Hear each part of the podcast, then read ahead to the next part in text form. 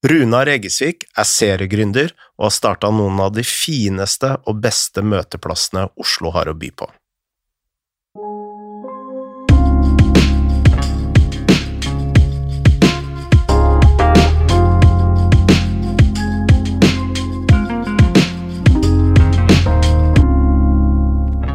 Velkommen, eh, Runar. Ja, hei. Hei, hei, hei. Hvorfor er du ikke så glad i Red Bull? Du, eh, jeg har eh, hatt perioder av mitt liv hvor jeg har hatt eh, magesår. Og da blir man bevisst på hva man putter i magen. Og vet du hva som er det greiene? Altså, det er en grunn til at de ikke prater om produktet. Nei, altså, Det er jo en alt annet. De prater om oppskrift. vinger, og de prater om de, de, de, Det er bare, det er bare liksom sport og, og Haaland og greier. Men produktet, som du drikker nå, frivillig, det er altså eh, Det er ikke noe å putte i munnen og ned i kroppen sin. ass. Jeg har drukket uh, Red Bull uh, nå snart en uke. Ja, Aldri følt meg så fresh. jeg. Nei da, men du kommer til å få magekatarr. Ja. Vet du hva som er i oppskriften? Nei, vet du hva, det, er- jeg, har, jeg har bare opplevd at folk har blitt Vet du, her er jo veldig Jeg skal ikke drive og bare prate dårlig om ting, jeg skal prate bra om ting, men Red Bull, det styrer jeg iallfall personlig unna. Altså, du har jo jobba i utelivs... eh, altså, du har gjort mer enn å jobbe i utelivsbransjen, og nå reduserer jeg deg nærmest til en bartender. Men uh, du har jo jobba i utelivsbransjen i snart 30 år. Nei, det er heldig eh, Mai 97. Da satt jeg og drakk på paragrafen, Ja. og, og der hadde Frode fått en bar. Frode Jacobsen, god venn, og han, han spiller litt sånn sakte bass i Madrugada og er en eh, kulturentreprenør og oppfinnsom, herlig type. Eh, og, en, og en god venn. Og vi var ikke venner da. Vi, var, vi kjente hverandre, for vi, vi drakk jo på So What, begge to. og, så, og så begynte jeg å drikke der isteden, for det var billigere øl på paragrafen. Dette var i 97. Mai 97, han fikk den, Natt til 1. mai fikk han sjappa, og så trengte han hjelp.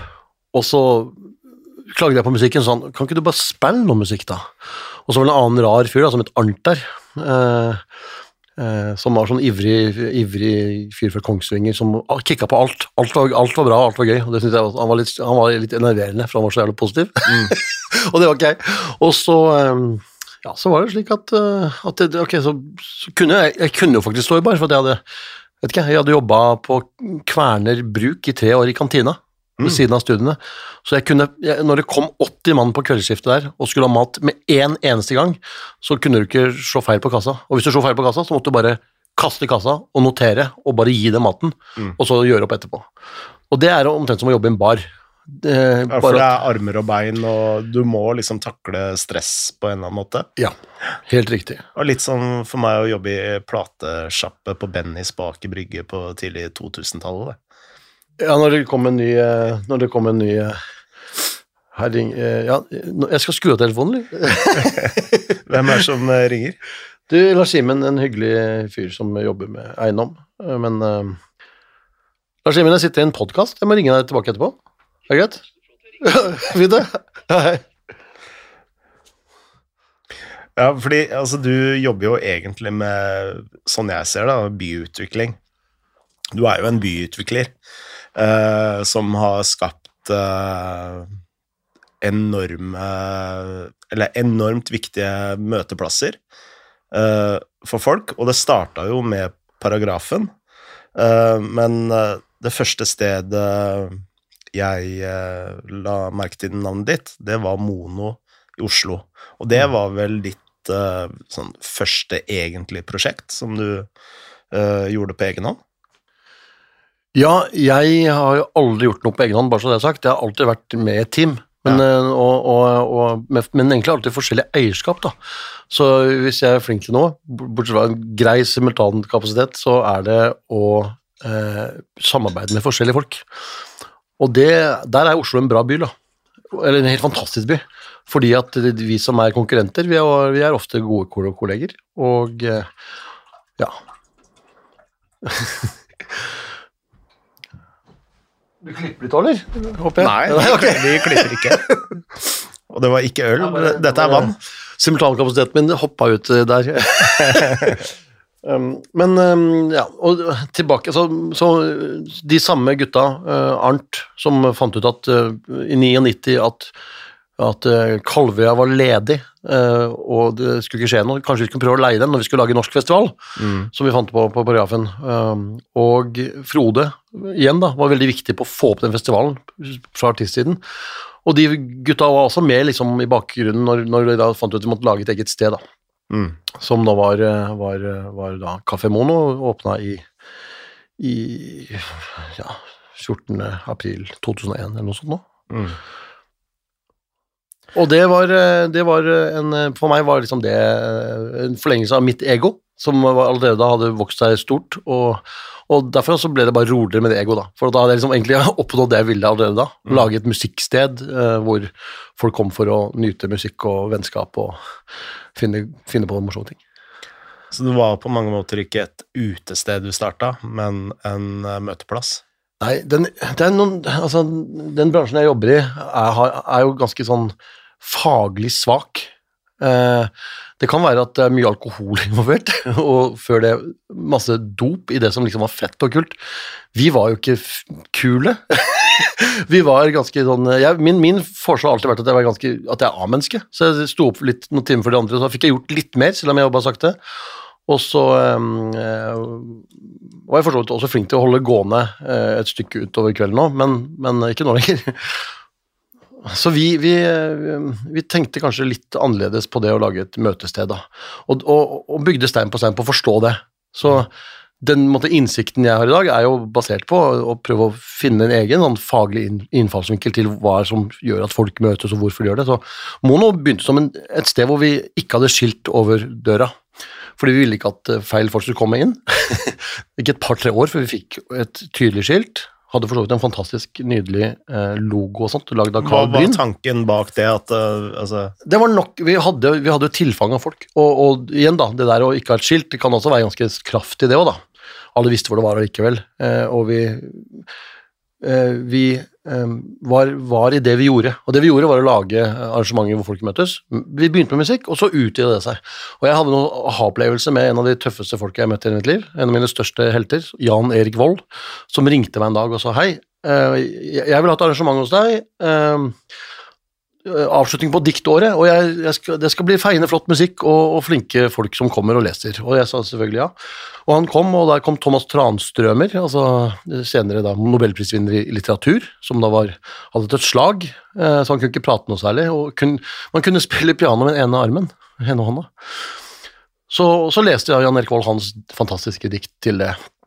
Eh, og, og, og der var Adel Nyquist eh, en uke før han døde, og så var også da og så måtte vi ha noe ordentlig, sånn, ordentlig tøft, og det var da noe sprekt, og det var Nora Brogstedt. med Alfred Jansson på, på sexspill. Og, det, og hun var jo det. var jo det. Det var helt fantastisk. Og, det, og det måtte, det, den grundigheten og den eh, måtte, kjærligheten til arrangementet som Jan Erik Vold hadde, det, det, det ga meg også mot til å prøve å jobbe med litteratur, da, selv om jeg ikke jeg hadde for så vidt mislykka studerte på Blindern, men, men uh, litteratur. Og så gikk vi over i samfunnsliv, da, hvor nå administrerende direktør i Klassekampen, Christian Samuelsen, var en drivkraft sammen med meg. da. Jeg hadde også vært litt jeg arrangert litt med, med raddisene før, da, så jeg hadde gjort noe greier, da. men allikevel. men, det, men det virker som at uh, når du uh, kom i gang med Mono, så Altså I den første tida så virka det nærmest som en slags konkurrent i So What.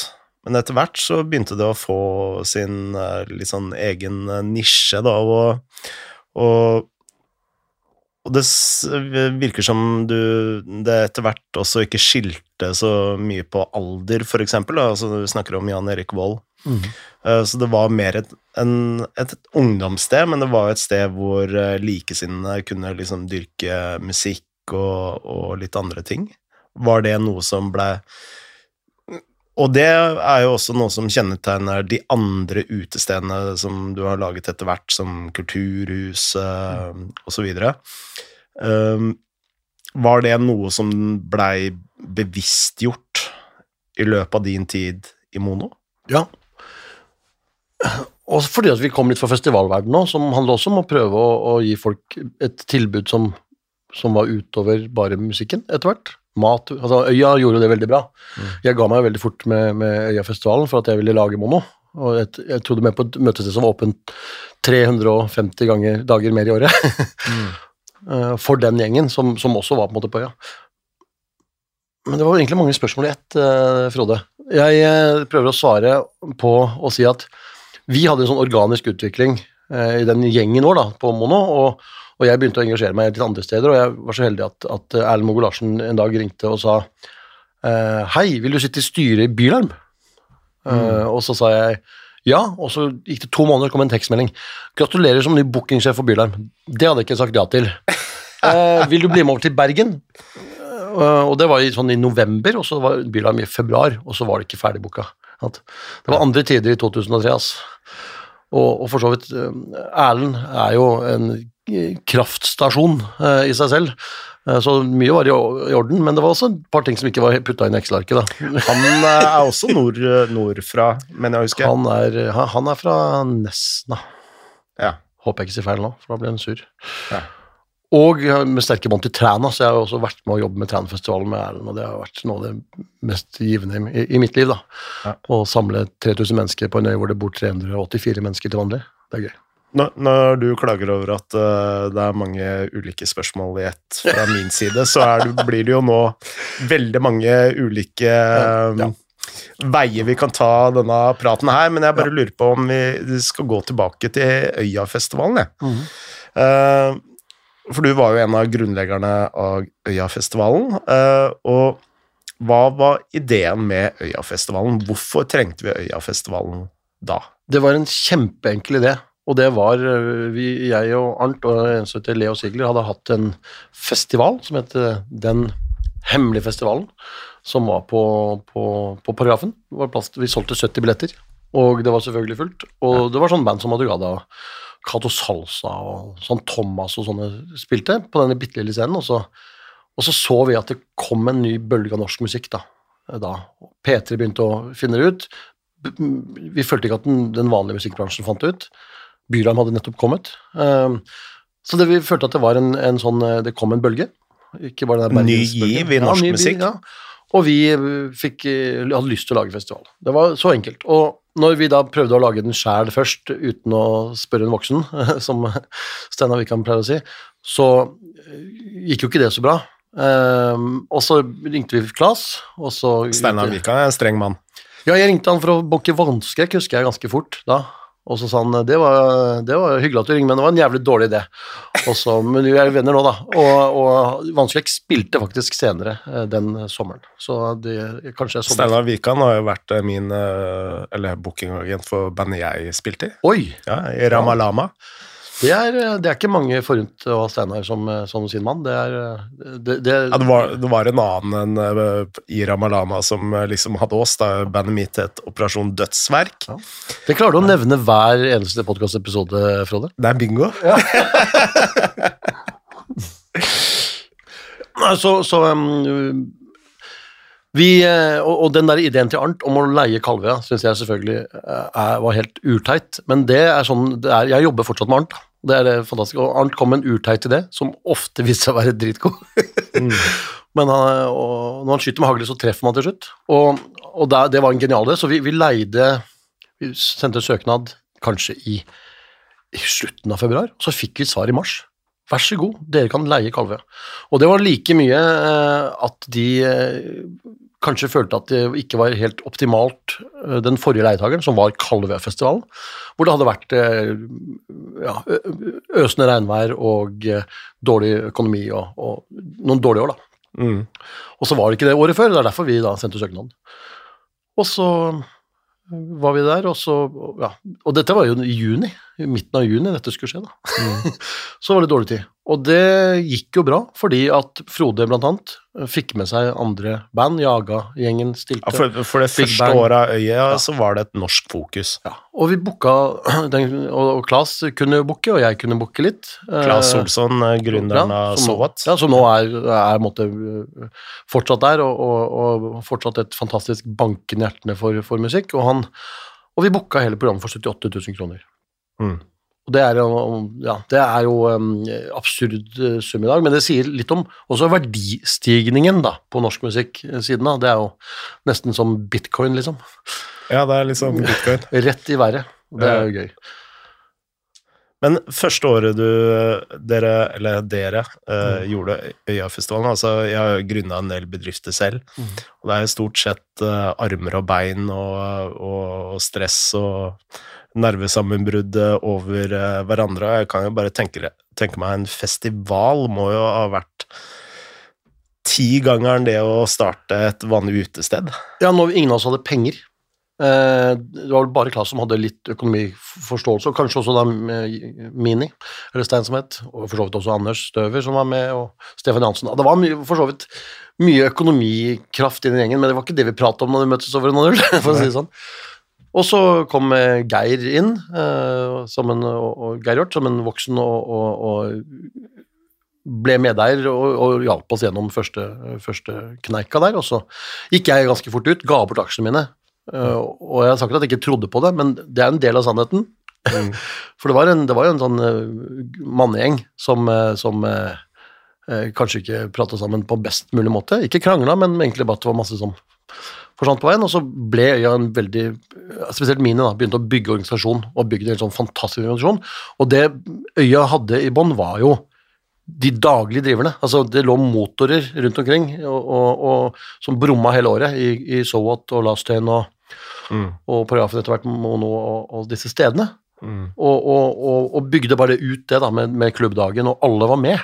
Men det starta vel eh, kanskje med et bankende hjerte for uh, musikk? Så enkelt var det. Mm.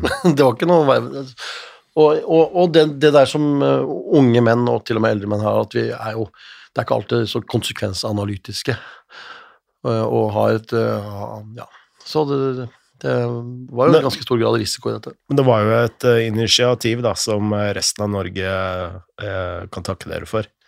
Vært viktig, og ikke minst i forhold til den Arnt da, igjen som starta den miljøsatsingen, som ble videre, tatt videre av masse flinke folk, som har blitt verdensledende. Mm. Det, er, det tror jeg ganske, man kan være stolt av å prate om, og, og, og hvordan det egentlig har fått med seg byen. Og så kan man jo diskutere om, om, om øya på Tøyen liksom har klart å fått med seg nabolaget der. Det, det, det er en debatt som kan, kan tas utenfor dette studio, Mm. men som er interessant i forhold til byutviklingsbiten. Men Ja, nå må, vi prate, må vi slutte å prate festival, la oss prate om, om der, der det er tak over huet. For at det, på et tidspunkt så så, så så jeg og Arnt på hverandre, og så sa vi at nå slutter vi med festival. Det var en sånn solskinnsdag hvor alt stemte, men da var det selvfølgelig 1000 meter ølkø, så da var det gærent. så det, det å gjøre festival i Norge, at det er liksom det mest festivaltunge landet i verden, det er jo helt absurd i forhold til eh, hvis man ser på uh, Mm. muligheten for fint vær. Eh, du og Arnt, eh, dere gikk jo sammen og lagde flere steder, eh, men for å liksom forklare de stedene dere har skapt, da, så er det jo noe i samarbeidet dere to imellom som har vært ganske unikt. Jo, men jeg tror både jeg og Arnt vil si at det er sammen med de folka vi gjør det med hver gang. Vi sitter, og han, han nå er han blitt litt mer administrator, og så er jeg blitt litt mer eh, utvikling. eh, Men vi har måttet fordelt det. Trenger ikke mange settinger til for å forstå noe, og så har vi prøvd å få med noen andre på å være med på innholdet alltid. Eller så har vi ja, Det, det tyter ut noen ideer, så på idésiden er det greit. Mm. Nå har vi jobba veldig med å prøve å strukturere de ideene. og Kulturhuset for oss var en måte, å, å, og spesielt for meg, da, å, å jobbe veldig sånn metodisk med å finne ut hva er egentlig innholdsproduksjon øh, og, og, og kuratering. Mm. Og da er jo hele ideen bak Eller de mest vellykkede bedriftene i verden i dag, de lar jo øh, brukerne øh, fylle måtte, rommet med innhold. Da. Facebook, Google osv. Vi gjorde jo det med Kulturhuset. Vi, vi, vi bare vi, Vanligvis så er jo på, på Mono så var jeg en kurator. Jeg var en dør Jeg var en dørvakt. Jeg, var egentlig, jeg sto egentlig bare og holdt den døra igjen, for det Mm. flomma inn. Um, og den kuratorrollen da, som disse kulturhusene vanligvis har, da, som Ja, for er du blei, eh, tåpelig. Du var jo ofte på sånne der lister over uh, Musikk-Norges uh, viktigste og, og ditten og datten. Ja, og da fikk jeg enda mer mail og CD-er. CD, jeg hadde CD-er før det ble delt digitalt. Så jeg husker jeg og Erlend og Ronander tok liksom masse CD-er, fylte en stor bil med CD-er for å dra, ta dem til Stavanger for å høre på dem, liksom. Helt absurd. Og da husker jeg, tror det var i 2005, når den første lydfila kom til bylarmlyttinga, jeg, jeg jobba med bylarm noen år, og det var også nok min vei inn i det du kaller for byutvikling. Og byutvikling er jo noe som alle driver med som er glad i byen sin, med. Mm. Sin altså de, de, de jobber med å prøve å, å forstå den og, og formidle sine verdier og ideer. Det er, det, er, ikke til å tro mange som jobber med det. Og det å kalle seg for byutvikler eh, Noen kaller seg det, de har jo ofte en utdannelse i det, men veldig mange som gjør dette, har jo ikke nødvendigvis Nei, og, det, og det er det jeg syns er interessant med deg. da. Altså, det er veldig mange som jobber med byutvikling, som eh, eh, har studert det teoretiske, mens du har uh, hoppa over det og egentlig bare utvikla byen. Ja, og der var Byland veldig imponerende i forhold til at alt begynner nedenfra. Det, Byland begynte som en stiftelse av, av, øh, av en gjeng menn og en kvinne, som da fant ut at vi, vi må gjøre noe med den trauste gjengen som sitter og styrer Musikk-Norge, vi må lage noe for grasrøttene. Og dette var jo når, når, når internett kom, da, ikke sant. Eh, og, så, og så ble Byram kjempeviktig som en byutvikler, det byene vi var i. Altså det, det har kommet veldig mange arrangørmiljøer ut fra da. Man flytta fra by til by, som var veldig lurt. Uh, og, og, og, og, jobba med eksempel, Det ble stående igjen en scene i Trondheim, da, og Dora ble brukt, og, og Verkstedhallen sto igjen. Og, så var det noen som var så dumme til å flytte da Byram til Oslo, hvor jeg da faktisk var den som sto for det. og og, og jeg, jeg står for det, men jeg angrer på det. Men det var for, fordi at mandatet i Byland var, å- var å være bedre i norsk musikkliv, og, og da kunne vi ta den rollen i, i Skandinavia, da, hvis vi flytta til Oslo. Mens hvis vi fortsatte å flytte rundt, så ville svenskene eller danskene ta, det, ta den eh, plassen. Så Mm. derfor så var jeg, jobba jeg veldig for å få til Oslo. Men hva i Bylarm eh, var det som fikk deg interessert i by, byutvikling? Det var å, å gå inn og prøve å forstå hvordan, eh, hvordan den energien kunne puttes under byen, og se hvor viktig den var, rett og slett. Hvor enormt mye overrislingsøkonomi det ligger i én times konsert. Eh, Ja, åssen da, på en måte?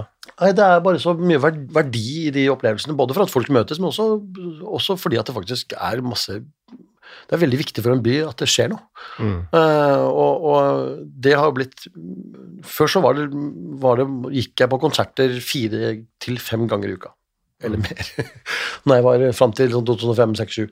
Før, eh, før, før det begynte å bli en masse andre morsomme ting man kunne gjøre, for at ting begynte å deles på sosiale medier, og så, og så kunne man finne lett fram til de sære tinga. Mm. Og det var jo, hvis vi hopper til, fram til 2013 og Kulturhuset, så var jo det det var måte den store opplevelsen av at folk er interessert i alt mulig, og det kommer mange ut av det. Mer enn musikk. Ja, for på Kulturhuset så Vi kunne musikk, og vi kunne, jeg kunne litteratur, og vi, men, men, men det var mange andre som gjorde så vi måtte finne en annen innfallsvinkel på et midlertidig sted. Vi hadde egentlig bare tre år. Og så ok, nå begynner vi å jobbe med samfunnsliv, da. Samfunnsliv som en driver. Mm. Kan vi skremme Venstre til å komme ut ned bakken for oss? De har aldri gjort noe utenfor huset sitt. Kan vi få LO til å faktisk eh, bruke noen av milliardene sine på, på å, å, å fortelle mer om hva de driver med, og ikke bare sitte inne, innelåst på Folkets hus? Kan, vi, kan, vi, kan vi få Minerva og, og eh, Manifest til å møtes eh, oftere og, og ta, ikke bare kaste stein på hverandre, liksom? Det var um, og, og, Ja, så begynner, det åpna Nå er jeg god på datoer igjen, da. Det var 5. juni 2013 så, så åpna Kulturhuset. Og vi var i ferd med å gå konk i løpet av sommeren. Oi. Ja, syv strålende eiere, blant uh, igjen da, Frode Jacobsen var med, uh, Ivar Mykland, uh, Geir som senere, og, og, og, Jarle, og, og, flinke folk som senere starta Okki rundt omkring i hele verden. Og det er masse flinke folk. uh, som da Så Fro. Frode Jacobsen er egentlig en, en mer kjent byutvikler i by byutviklingskretser enn bassist i Madrugada. Ja, han, uh, han er en luring. Mm. Eller en smarting. Jeg tror det er den smartingen som er riktig. Eller bare rett og slett veldig flink. Den, den gråere og gråere nese. Um, og så um, gikk det skikkelig dårlig. Men det var jo et valg det året, heldigvis. Så da begynte jeg å booke valgkamparrangementer i slutten av juni, når vi så at ingen møtte opp. Og så booka jeg 25 sånn valgkamprelaterte arrangement før valget. Og så var vi gjeldsfrie og i pluss i november. Fordi at, vi, at da bare eksploderte det. Ja. Ehm, og det var jo, det var jo måtte, å- å- litt sånn rått parti, for vi hadde store lokaler, vi hadde flere forskjellige rom, vi hadde en bredde i det vi drev med, og vi åpna åtte om morgenen. Mm. Så når vi hadde hatt åpent i, i, i da syv timer, så kunne folk eh, krangle seg inn på mono. og, og, og det kulturlivet som da var kommet, det var jo ikke at eh, eh, jazztrommisen snorta noe før han gikk på scenen, det var at han løp en halv maraton tidligere på dagen. Ja, det var et helt annet kulturliv, da. Og disse folka hadde, hadde behov for å møtes eh, i større grad. Mm. Og, og møte næringsliv. Så det var sånn, eh, Alle prata om kulturnæring, vi ville gjøre noe med det, var liksom slagordet. Mm. Så skulle vi ikke ta noe offentlig støtte i det hele tatt, selv om vi het Kulturhuset, så det var et sånn tullete navn, da. Hva var årsaken til at dere ikke ville ta imot offentlig støtte? For det ødela energien. Ja. Det ville bare drepe engasjementet og tempoet på det vi gjorde, så vi eh, skulle ikke søke offentlig støtte. Basta. Mm. Så gjorde vi ikke det. Eh, jeg bare lurer på om vi tar en liten pause på byutvikling eh, der, og bare gå en liten sidevei, eh, for du uh, snakka mye om musikk, Mm. og at musikken var veldig sentralt i det at dere åpna Mono, Mm. og senere Bylarm, men du starta også et plateselskap, Ja, nå, hvor, hvor du blant annet ga ut en fantastisk artist som heter St. Thomas. Nei. Nei, Det, Klas gjorde det med Racing Junior. Og var ah, det var den som, Klas, ja! Jeg var jo kompis med Thomas før han begynte å spille gitar. Ja. Eh, og- For jeg har alltid sett på dere som et slags sånn radarteam. Nei, eh, jeg var jo Så Showet åpna den 20. Nei, den 9. januar 1994. Mm. Jeg er ikke autist, altså, men jeg husker disse datoene. På min 20-årsdag. Eh, og da, der var jeg på min 20-årsdag, og jeg var der siden på den første gigen. Og jeg var der, måtte, og det var måtte, min stue og min ungdom, og det som virkelig ødela min akademiske karriere.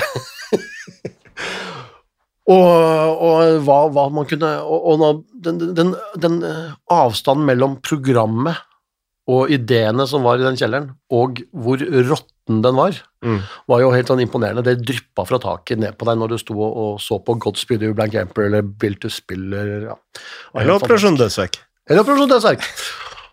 Så, det, det var, eh, så, så jeg ble jo måtte kjent, eh, kjent med Klas. Jeg, også fordi at jeg brøt meg inn der en gang i fylla, men det er jo en eh, historie som jeg burde egentlig ikke ha nevnt.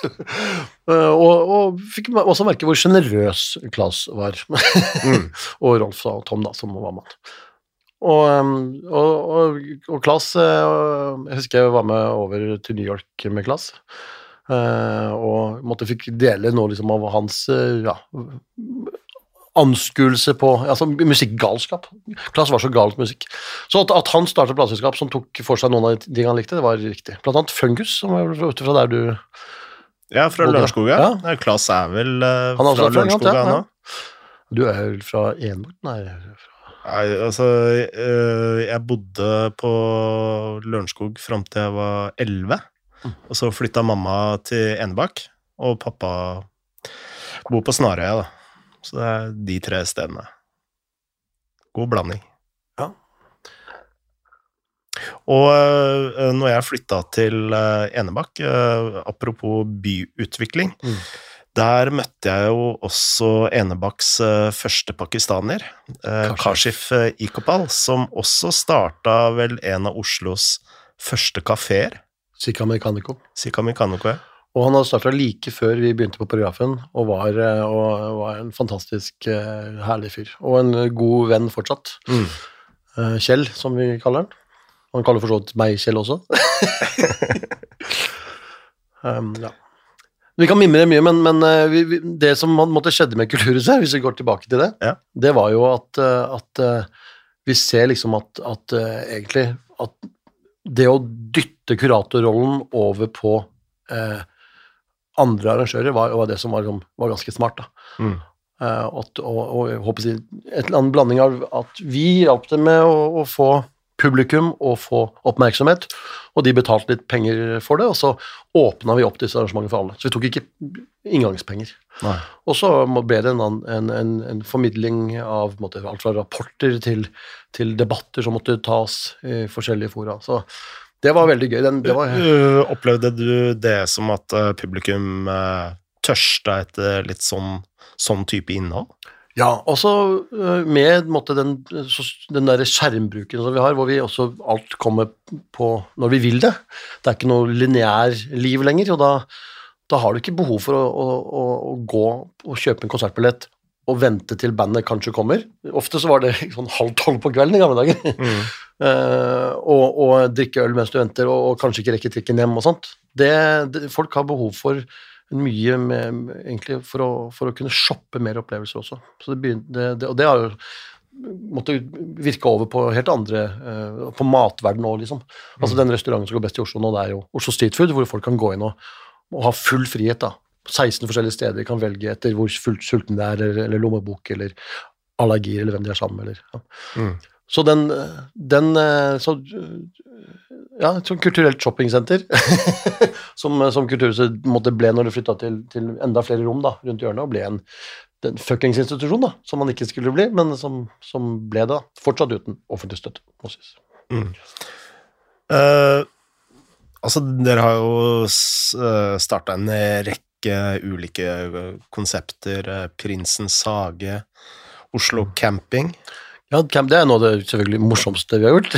Ja, uh, men det sier jo noe om bredden da, uh, i uh, opplevelser i byen, som dere har vært med å skape. Og etter du etter dere, ikke du, starta Kulturhuset, blei det en slags aha-opplevelse at det, det er veldig mange opplevelser som mennesker ikke får utløp for i dag, og så begynte dere å se på litt ulike måter til å samle mennesker, eh, eller var det mer tilfeldig? Masse faktorer. Det, det, det er Prinsen Hage er en nydelig historie fordi at det også snakk om privat-offentlig samarbeid, hvor kommunen eller Omsorgsbygg kom og spurte oss hvordan kan vi nyttiggjøre dette arealet som, som, eh, som bystyret har bestemt at skal åpnes i 2011. Og vi, vi, må, vi må ha hjelp for å få det til. Og det er, for øvrig så er det rødlistet. Du kan ikke slå inn en eneste spiker, du kan ikke grave eh, i jorda. Mm. Eh, og så løste vi det. Vi kom rett fra Sukkerbiten, som, som var et annet prosjekt, og så kunne vi gjenbruke litt containere. Hvis man ser etter, så ser man det. Og så, kunne, så jobba vi med veldig bra med Omsorgsbygg. Litt motstand eh, av, av noen institusjoner rundt der, som syntes at det var problematisk at det kom masse folk eh, midt i det åpne rusmiljøet. Og så Um, er måte den evige diskusjonen om uh, gentrifisering, uh, fortrenging versus forbedring. Mm. Men vi hadde 200 000 mennesker som var der den første hele sommeren, og de var fornøyde. Det var uh, ingen overdoser eh, i den bakgården det, so den sommeren. Det var veldig mange sommeren før. Mm. Så det, er, det, er, det, er, det, er alltid, det skal alltid være en, en diskusjon, og vi, vi, vi, vi tok den diskusjonen også med våre motstandere og inviterte til debatt. så sånn løste vi det. Mm. Og så er det ikke sikkert at vi blir enige, men, men den diskusjonen skal selvfølgelig foregå. Anyway. Um, og så var det også spennende fordi at uh, at det tok i, ja, tok i bruk et nytt byrom som, som ikke folk ikke hadde sett. Og alle møtte opp. Og alle, alle aldersgrupper. Og min mor, da, som var 73 da, tror jeg, hun var innom uh, fra Sogn, Sogn, i Sogn, utafor Sogndal.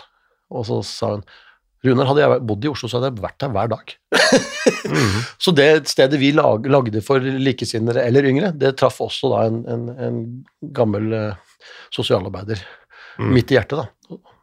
Ja, jeg hadde litt av den samme opplevelsen. Altså, nå blir det jo veldig Oslo-spesifikt der, men dere har jo lagd steder i andre byer òg. men eh, for å ta Prinsens hage først, da, så var det et sted jeg liksom Jeg visste ikke at det stedet fan, Eller det området fantes, da, og det var en slags nyttiggjøring av byrommet som uh, var veldig kreativt, veldig fint, og uh, ja, nok en gang en fin møteplass og utnyttelse av, byrommet, da. Eh, Blei det noe som dere også begynte å jobbe mer med etter Prinsens sage, eller kom sukkerbiten før det?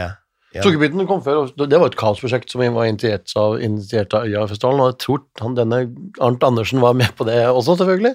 Mm. Uh, og, og, og sto bak også, var det tøft for Øya å drive med det. Så da, og vi kom vel inn som en litt, liten sånn redningsaksjon med da Trøbbelskytter, som vi hadde starta da. Mm. Og Trøbbelskytter gjorde rundt 30 oppstarter på ti år, eh, før vi ble kjøpt opp av et, eh, av et finsk selskap, som fortsatt har det gående og, og heter nå, og som er flinke folk. Og vi, eh, og, og da, ja, alle disse prosjektene med forskjellige eiere, og alle, alle egentlig helt forskjellig identitet, da. Mm. Og det, det er jo en skole um, som, eh, som vi måtte ha tatt med nå, da, hvor vi solgte oss ut av de finske eierne uh, og begynte helt på nytt, på scratch. Ja, for nå har, du begynt, nå har dere begynt et nytt prosjekt som virker veldig interessant.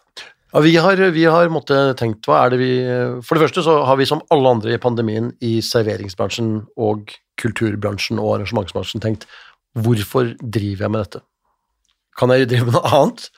Og, og hva, kan jeg, hva kan jeg ta med meg til den andre siden? Og eh, for meg og Arnt, så, så igjen, da, det var mot oss. Jeg, Jeg, eh, eh, vi, vi, måtte, vi måtte egentlig prøve å redefinere det vi drev med.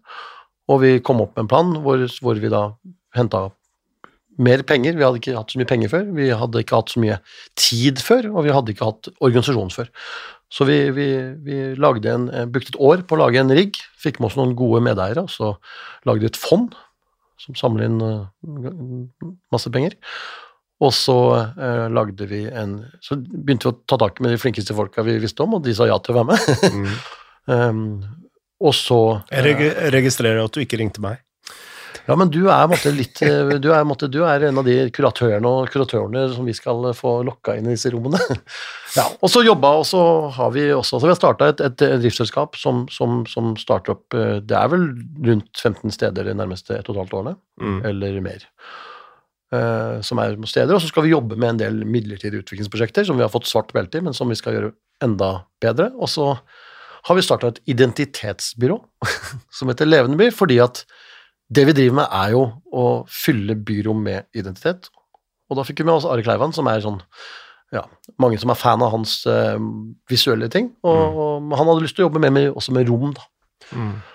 Så han har jobba seks år ved Nasjonalmuseet, f.eks. Um, og måtte, da, da skjønner du mye av, av, av sånn av Nord-Europas største museum, hvordan det lander som et romskip mellom Aker Brygge og, og, og Rådhuset, og, og jobber visuelt med sånne rom. Og det, ja. Så vi, da jobber vi med å prøve å forstå måtte, byutviklingsperspektivet da, med å lage møtesteder. Men hva er det som får deg til å brenne uh, for å utvikle by, og hva, hva er liksom eh, målet ditt?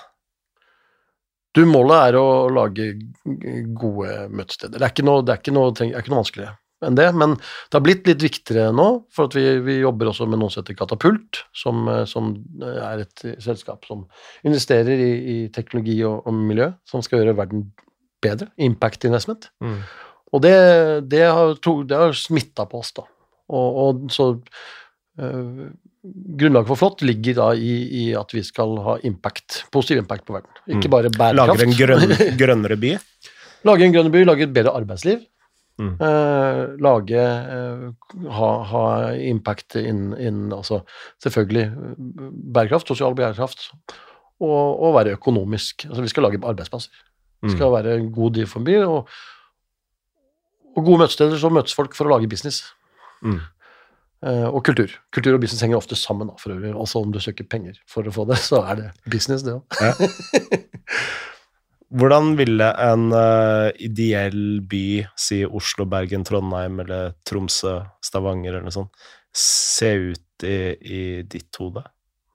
Oslo begynner å se veldig bra ut.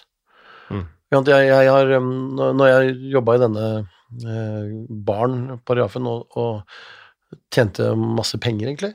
Masse tips jeg putta i høyrelomma, og når høyrelomma var, var, var full, så, så tok jeg opp penger og så kjøpte jeg flybillett til New York, og så bodde jeg da hos venner der borte for det meste, utgangen, og så var jeg et par ganger i året, kanskje tre. Det var før flyskam det her. så kanskje helst tre ganger i året så var jeg i New York en uke.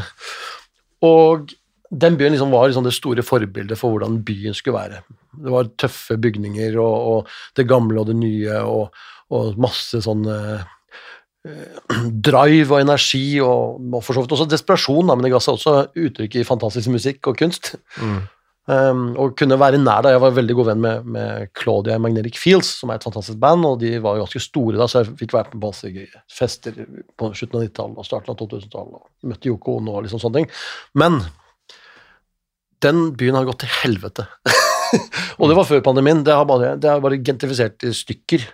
Uh, alle stedene jeg elsker, er borte, og erstatta med, med, med noe dårligere, da i all hovedsak. Samtidig som det dukker opp nye ting, men det er, egentlig, det er ikke plass lenger på Manhattan. Eh, eh, Hva betyr det begrepet, eh, egentlig? Hva for noe? Eh, det er jo en eh, utvikling eh, jeg, studerte sosiologi, men jeg slutta for jeg var så dårlig på definisjoner. Eh, men det var det, det var det mamma ville jeg skulle studere. Eh, Gentrifisering eh, handler, er jo en, en byutvidelse, ut, byutbedelse, og som også henger, henger sammen med, med kjøpekraftøkning, da. Mm. Som da ofte kan fortrenge de som bor der med da eh, lavere inntekt. Er mediumdefinisjon, men, men og, og, ja, det har vært en diskusjon på Tøyen, selvfølgelig, Grønland, i, i de siste 20 årene som jeg har fulgt den på, og, det kom en uh, veldig interessant bok, Tøyengata, som, som sa liksom at dette kom til å skje i 2011, kanskje. Mm. Og så har det skjedd veldig lite. Og det, er, måte, det handler om mekanismene i første etasje og alt sånt. Det er, det er superinteressant, syns jeg, men, men um, Tøyen uh, er jo måte, et sånn godt eksempel på, på da, hvor det er veldig kort mellom sosial nød og, og egentlig ganske stor jeg, kjøpekraft, som er innom og shopper opplevelser. mm. um, og det har alltid vært en diskusjon. Jeg, jeg syns jo det er kulere på Tøyen nå. Når jeg bodde der for eh, syv-åtte år siden, så, så, var det ikke trygt å gå over Tøyen torg, og det er det nå på kvelden, mm. eksempel. Så det, på noen måte kan, det, kan den type eh, Men eh, er det en av de største utfordringene til særlig Oslo, da? Nå, tenker du? Ja, folk fortrenges jo fra Eller lavinntekt Eh, nede i middelklasse osv. fortrenger jo noen noe, Ja, det blir for dyrt å bo i sentrum. Mm. Sykepleierindeksen osv. Men, men eh, nå er det også lettere å lage gode møtesteder utenfor bysentrum, da. Ja. Jeg er måtte, mer redd for sentrum enn at det eh, skal bli verre å bo utenfor. Jeg tror at uh, Vi jobber veldig med å forstå uh, nye bysentra i Oslo. Vi har identifisert ti av dem som vi har lyst til å jobbe i. Og vi tar tak i noen av dem. Sånn type Grorud eller Oppsal? Østensjø. Uh, men spesielt Oppsal, da, siden mm. vi jobber med det. og, og, har lyst til å jobbe, være der. Um, vi jobber med uh, Grorud. Altså Groruddalen er kjempevanskelig, for det er to daler. Uh, og skal dette møtes på Økeren? Jeg bor sjøl på Økeren, eller Slisløkka. Så det, det, tenker jeg på hver dag når jeg drar gjennom. Hvordan løse det her. Og det, heldigvis er det masse gode krefter som jobber med det. Både de som gjør, har latt Økeren det stygge Økernblokka stå. Mm. Uh, men det er en god grunn til det. Og, og hvor de har putta inn Lars Ramberg, som sitter og jobber der, liksom. Det er jo helt fantastisk. En av Norges største kunstnere. For å prøve å forstå det her. Og det er, da har du, da har du, da har du Det er bra byutvikling. Men så har vi nye bysentrum i sentrum. Jobber med, vi jobber masse med Tullenløkka. Mm. Vi gjør fire forskjellige fantastiske ting der som vi er veldig stolte av, og som som uh, åpna ett. Det er jo en naturvinbar som uh, har slått an med Som på en måte prøver å forstå hva naturvin er som begrep, med lekenhet og kunst. Det har blitt mye jazz og sånt. Jazz og vin? Det, ja, det er jo en Er det Jan Erik Vold, eller? Er, som har Nei, det er faktisk Mokkelbost Brothers som har bare rota fram fantastiske ideer og, og, og, masse bra folk som har lyst til å være med på det, sammen med Anne Valør og og Karim Saeed og masse flinke folk. Ja. Og denne baren den åpna for bare noen få ja, måneder siden? Ja, det har gått veldig bra, eh, og, og vi åpner um, Egentlig bare for å si hvor gøy det er. Vi åpner i, i det som ja, I et bygg det var ting før, og hvor vi, hvor vi da prøver å, å, bare tenke helt annerledes uh, på hvordan vi kan fylle, fylle et, et, et byrom uh, med andre ting enn det er i området. Mm. Eh, hvor vi vet at vi skal være etasjen over, så det må være det blir kantina vår. Men Mm. hvor, hvor, hvor crazy kan en kantine være? Mm. Den kantina er fra sju om morgenen til tre om natta, da. Og vi jobber med, med det vi kaller for Trekanten, som er da eh, Viksjø arkitekttegnet bygg. Helt fantastisk, som jo eh, har vært litt i skyggen av Y-blokka, men som Viksjø tegna, men som ble revet. Og så, og så står dette igjen, da. Og det er et bygg som har vært hata i tidligere tider, for at det, det, spissen peker liksom mot piazzaen som er St. Olavs plass. Og, og var, ingen har egentlig likt det bygget, som, som har vært et uh, og, og jussen har vært der i trange lokaler. Og så er det bare å åpne opp, og, og, og vi får da et 60 meter stort rom med fem meter under taket som vi kan bare prøve å forstå. Og, det, og den prosessen har tatt to år da, til nå, på å prøve å forstå det. Nå nærmer vi oss, og vi åpner om et halvt år. Eh, har dere vært involvert i gamle Deichman også, eller? Vi eh, prøvde å få Møller til å, å hyre oss inn til å hjelpe dem å kjøpe bygget, og så, eh, så gikk det litt eh, treigt med dem. Mm. Og så, og så jobba vi med for noen andre, som, som hadde Som som Christian Ingnes, som vi, som vi lagde et kjempefint prosjekt sammen med. Men så ble det Møller som kjøpte det. Og de er, likevel, ja. og de, de er, måtte, en er sånn, det er sånn eksempel på eh, noen som bygger for evigheten. Da. De har, de har liksom 100-årsperspektiv. De eh, Det er sånn eh, utviklere Oslo vil ha. og tenker noe, og, er, og er kritiske, og det er, det er veldig gøy. De investerer, de investerer i, i vårt fond, og de, de gjør det fordi at de, de vil se og lære og, og, og egentlig utfordre oss, da. Mm. Så det er, eh, det er mye, mye god eh, motstand og kunnskap eh, hos, hos dem, og de kan noe eiendom, og, og vi kan noe første og, og så møtes vi også. Eh, når du Eller nå må jeg slutte å si du, men eh, du Arnt og Frode, Ja. Starta Mono. Mm. Eh, så har jo Oslo kommet et langt stykke med, med tanke på byutvikling og sånt. Jeg husker jo det å gå ned Grünerløkka eksempel på 90-tallet. Da var det Birken Lunsj og Mucho Mas og Fru Hagen, og det var vel det, omtrent. Mm. Eh, er det På denne tidsaksen, er det noe du skulle ønske at eh, byen tok liksom en annen retning enn det vi endte opp med? Det er et veldig godt spørsmål. Jeg syns det er trist at Karl Johan er så dårlig. Mm. Paradegata vår, liksom. For den er så fin. Eh, og, og der har vi også aktører som, som ikke, ikke bryr seg om byen, da. Eh, og jeg kanskje ikke skal utbrodere det, men, men eh, det er jo sånn KLP Eiendom som prøvde å stoppe liksom, julemarkedet her i vinter, eksempel, med sånn ekle midler. Masse, masse dyre advokater som skulle inn og liksom bare stoppe det. Mm. Det er, det er sånn, det fins fortsatt dessverre noen, noen som måtte bruke sånne metoder. Vi, jeg syns ikke Olav Thon eh, imponerer som byutvikler, for eksempel. Eh, han eier mye, og, og måtte, når han, han smeller opp en Han, han leier ut på ene siden til, til Crow, som er måtte, deilig tyrkisk bab uh, og deilig, fantastisk øl som de lager sjæl. Og så lager han Bear and Bob, eh, som leietageren gjør bedre i, midt i Karl Johan. Mm. Eh, så det er, måte, det, er, det, det, er, det er fortsatt en del å gå på da, i forhold til å forstå eh, den, det ansvaret man har, både som gårdeier og som da førsteetasjeutvikler, som vi er.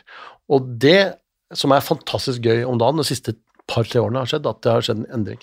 Det begynte før pandemien, men det måtte det altså, Byutvikling er et, eh, er et skjebnefellesskap for eh, de som eier, de som eh, jobber der, og de som bruker det. Og, eh, og det begynner å bli gøy. Mm. Så jeg og, og Men de som eier ja. bygårdene, har jo kanskje Og sånn må det jo eh, kanskje være, at de har jo enorm makt over hvilke forretninger eller utesteder som kommer inn i deres lokaler. De har enorm makt, og, og, og politikerne har veldig lite makt. Mm. Og det er jo det, det, det, politi, altså det som man ender opp med, er jo at plan og bygg sitter som en sånn der bremsekloss på byutviklinga. Det de har bremser, liksom. Har, og noen få sånne gasspedaler som de bruker. For at det må jo sies at politikerne i Oslo har latt oss få lov til å bruke fri fellesområdene mye. Mye mer enn en del andre byer. Mm. Jeg bruker å være litt sånn sur på at Youngstorget er dårlig drevet, og sånt, men ærlig talt, vi, vi, i Oslo skjer det overalt, og den byens beste dag er musikkens dag med 50 scener rundt i byen. Mm. Eh, som sånn kommunale småpenger får man liksom sånn 50 000 mennesker som får en opplevelse på en dag, og, og ikke minst oppdragelse av nye arrangører. Mm. Som jeg, jeg har hatt ti forskjellige sånne scener og lært å arrangere av Musikkens dag. Unnskyld, Musikkfest. Det skifta navn i 2003, tror jeg. Men eh, hvordan kan man f.eks. endre Karl Johan, da? Eh, Ja, nå, jeg syns ikke det er viktig å endre Karl Johan, men eh, Nei, men det er mekanismene med- er jo der. og- Ja, men det, det, er, det, det er gjennom samarbeid, sjenerøsitet, generøsitet, eh, omstillingsevne eh, at de, som, de som har endra Karl Johan mest, er jo Promenaden, som har laget sånne der, eh, stinking rich-butikker. Det er jo bare, det er bare trist. Spør du meg, da. Men eh, ingen, ingen gjorde det. Og det, og, og, og, Nå det kan ikke jo russere bruke penger der Nei, heller, ja, nå, det kommer kinesere og kjøper vesker og tar fly tilbake til Beijing, liksom. Mm. Og Shanghai. Og noen andre. Ok, da, men det er jo måte, det er ganske trist byutvikling å, å lage sånn eh, rikingområde midt på Egertorget og bortover. Det Mm. er jo bare trist. Mm. og det er, det, mest, det er den mest lønnsomme eh, den type konseptualisering du har sett i Oslo, by the way, da. Mm. Så noen eh, kom godt ut av det. Hvordan tenker du Bergen, Trondheim og de andre store norske byene skiller seg ut fra Oslo, eh, for eksempel, og hvilke andre byer tenker du eh, det kunne ha vært interessant for dere å jobbe, jobbe i? De små byene har stort, en stor fordel at de, de beslutningsprosessene går fortere.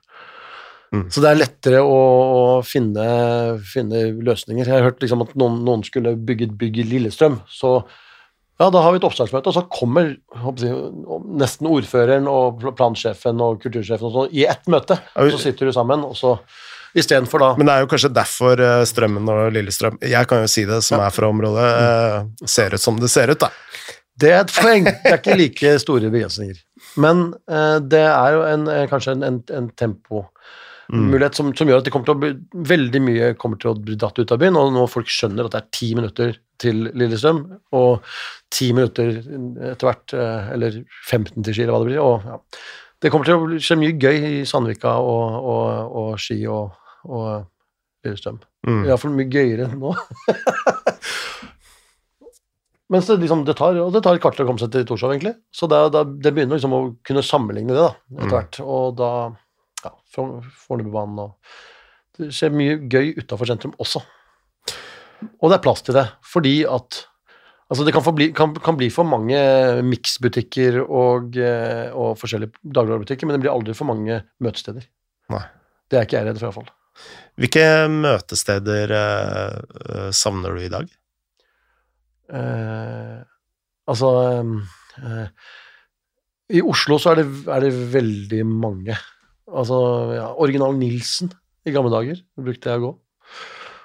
Eh, høre på jazz før jeg egentlig skjønte hva det var. Og, og Er, er det den ved siden av herr Nilsen? Nei, den lå i uh, gate eh, ved siden av det som er Exo og Ett glass og sånt noe. Det var stedet vi ikke gikk på. Ja. Eh, Herr Nilsen er still standing, altså. Fantastisk. Um, ja, jeg, jeg, gamle Savoy bar. da, nå, er på, nå, nå er vi på da, da var det lov å røyke inne, for at alt, det var kanskje en annen farge der før, men der var det bare brunt. Gulbrunt. Og det lå da i Savoy hotell? ja, så kom det en eller annen som fant på at han skulle sette en eller annen italiensk eh, interiørdesigner til å, til å lage liksom det, mot, det motsatte. Mm. Og det er altså fortsatt den dag i dag et av de styggeste rommene i Oslo. Og det var jo ikke pent før, men det var et, et rom man ville gå inn i for å drikke. Mm. Drikke og prate sammen, og røyke. og høre på at den CD-spilleren begynte å hakke hver eneste gang. um, og så savner jeg So What. Uh, det var, det, det var uh, helt fantastisk uh, musikkformidlingssted i alle nivåer, da Mm. fra noen av, og noen av de største konsertene jeg har, har, har vært på, er, har, var i den der råtne kjelleren. Det er veldig gøy da at i dag er det Jeger, og, og Ola og, og gjengen har liksom bygd om til å bli et sånt uh, palass for klubbmusikk som ser bra ut. Mm. Um, og, og den andre enden av noe, kanskje og også den utviklingen, ikke sant. Mm. Men, det, men det, det møtestedet som så at var, var helt sånn enormt viktig for meg. Mm. Nå har vi jo hatt en eh, pandemi, Mm. og det var jo flere utesteder eh, som eh, så ut til å ikke overleve, og blant annet eh, Last Train her i Oslo satte opp en såkalt spleis og fikk jo enormt med støtte. Tenker du det sier noe om kjærligheten til møteplassene våre? Ja, Og hvor viktig det er for folk?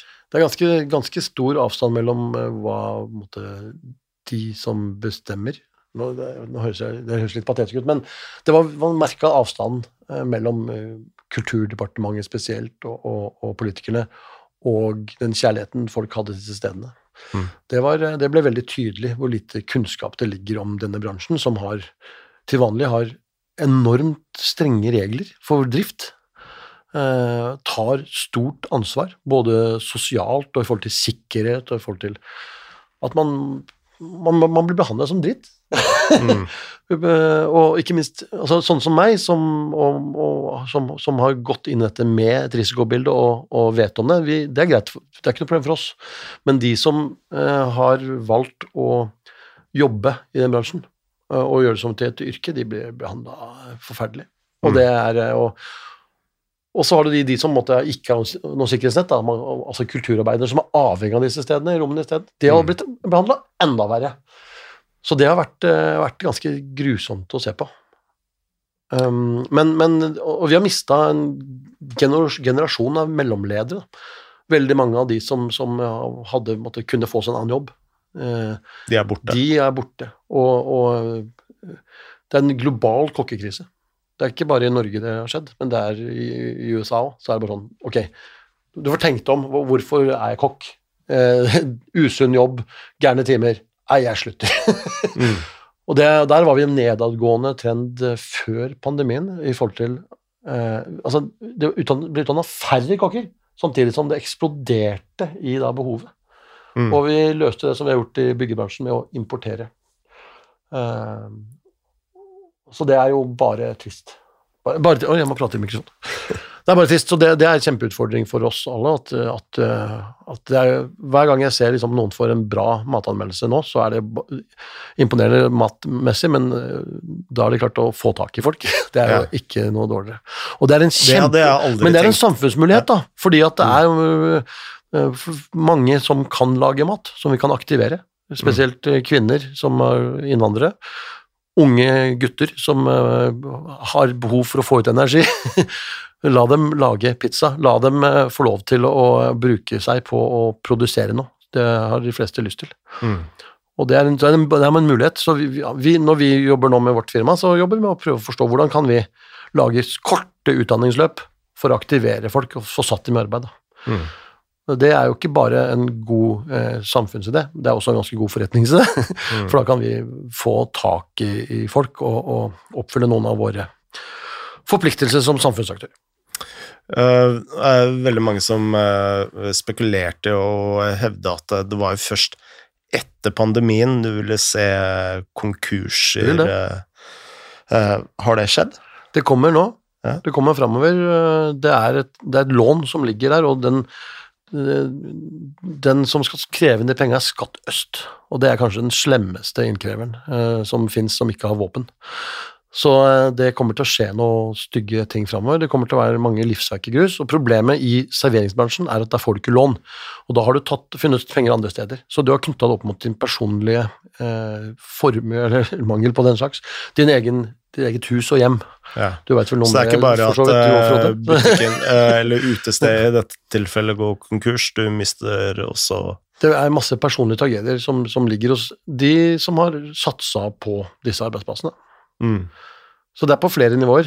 Eh, og det, det, er, det gruer meg til, at det begynner å, å, å At det slår inn på en del av de dyktige folka som har hjertet nære også det stedet de har vært med å drive. Hele sitt sosiale liv og i det hele tatt.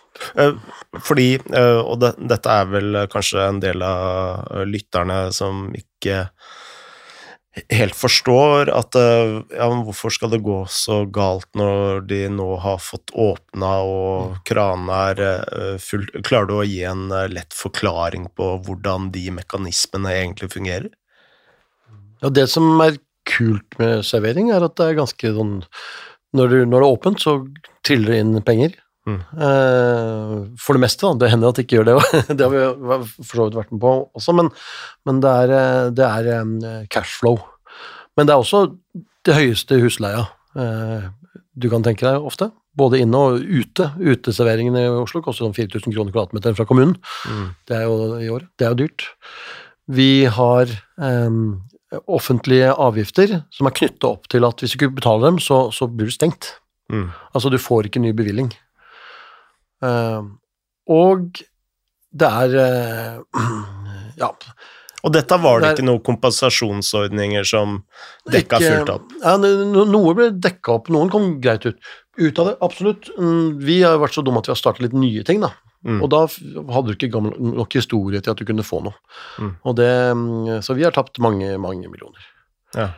Og så er det en del av risikoen, Mm. dessverre. Kommer dere, dere opp på beina igjen? Vi er på beina. Vi har, eh, men livsverket mitt, da, hvis du kan si at det som jeg hadde Mm. skapt fram til, eh, eh, fram til pandemien, det er jo da borte. Og det er alle stedene jeg var med- medeier i, eh, Ja. og, og sånn Kulturhuset og Oslo Camping og litt sånt, det, det måtte jeg da eh, gå ut av. Og ikke minst laboratoriet som vi lagde sammen med Olaf Lolly, som vi var veldig stolte av, det, må, det måtte Olaf ta, da. mm. Nå, nå er jo han den beste fyren til å ta det, siden han eh, var med å lage det, men allikevel da Vi måtte selge, eh, og, og, men sånn er det. Mm. Vi, vi, vi, er, vi har jo på en måte Vi, vi går framover. Det er hyggelig å sitte og mimre her nå, altså, men jeg, vi gjør, jeg gjør ikke det til vanlig. Nei, eh, men det er litt sånn interessant at eh, inntrykket for oss som ikke jobber i bransjen, da, vi følte jo eller politikerne eh, la det i hvert fall frem som at eh, de hadde uteliv og kulturarbeiderne eh, fullstendig dekka, men det er ikke realiteten. Noe av det tristeste var jo, var jo når det ble brukt dårlig statistikk for å forsvare hvorfor man stengte ned. Blant annet var jo da at folk i utelivsbransjen de, jo, de hadde mer covid. Mm. Og da Det var statistikk fra når 90% ikke var i jobb. Men siden dette er folk som da var kanskje mellom 20 og 30 år, bodde tett og hadde lav inntekt, Mm. og sosialiserte, så fikk de jo de covid. Men de var jo ikke på jobb. de var faktisk de var, de var forhindra fra å være på arbeidsplassen sin, så, så, men allikevel ble de brukt i statistikken av Høie. Det var, det var, det var ikke noe hyggelig.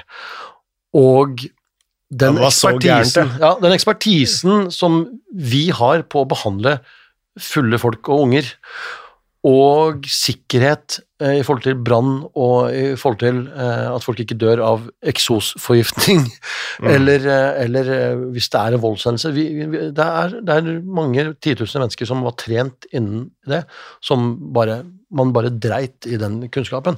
For det er, det er faktisk eh, Det er så mye flinke folk der ute, og den, den respekten vi har for, for serveringsbransjen i Norge, er veldig lav. Mm. Det å kunne være servitør hele livet, det er andre land er en hedersbetegnelse. Mm. Og, og jeg kjenner veldig få som har holdt eh, over 60. Da. Mm. Så det, er- der må vi jobbe sammen. Og det er også for at mat er jo ikke definert som kultur i Norge. Ja, det er jo veldig trist. Og det, dette kan min venn Mathias Steinbrud, som du bør ha på podkasten din, eh, prate eh, timevis om. Mm. Men, eh, men, men i Danmark så er det det. Matanmelder i, I, i VG nå, ja. Mm. Og var med å starte Trøbbelskytt med oss, og prata om mat konstant på kontoret hele tiden. Og heldigvis jobber han med det nå. Mm. og lager beste maten og hele tatt. Men det er, måte, det, det er Og um, det er en altså, Det er en sånn nasjonal eh, Kanskje det er et urbant fenomen i større grad, da, bare så det er sagt, men, men, men at vi ikke er mer stolte av maten vår, eh, og ikke, ikke måtte klare å jobbe med den på en kultivert måte. Mm. Um, det er eh, litt trist. Eh, før vi avslutter, hvilke steder er det du jobber med nå som du gleder deg mest til å sette ut i livet? Eller har satt ut i livet? Ja, vi, vi eh, Når er det jeg kommer på lufta? Eh, mandag? Mandag, ja, nei, da kan jeg ikke si alle. Men, eh, men vi har eh, Vi skal jobbe med, jobbe med Anker, med å utvikle noen, noe, noe der. Der er, der er Anker-stiftelsen som driver det, veldig flinke til å, å lage rimelige boliger for studenter. Og så har de begynt å jobbe med førsteetasjene sine. Så Velochef for eksempel ligger der, som er en helt fantastisk restaurant eh, inne i Anker der, som, ikke, som alle bør gå på. Som ikke har noe med å gjøre.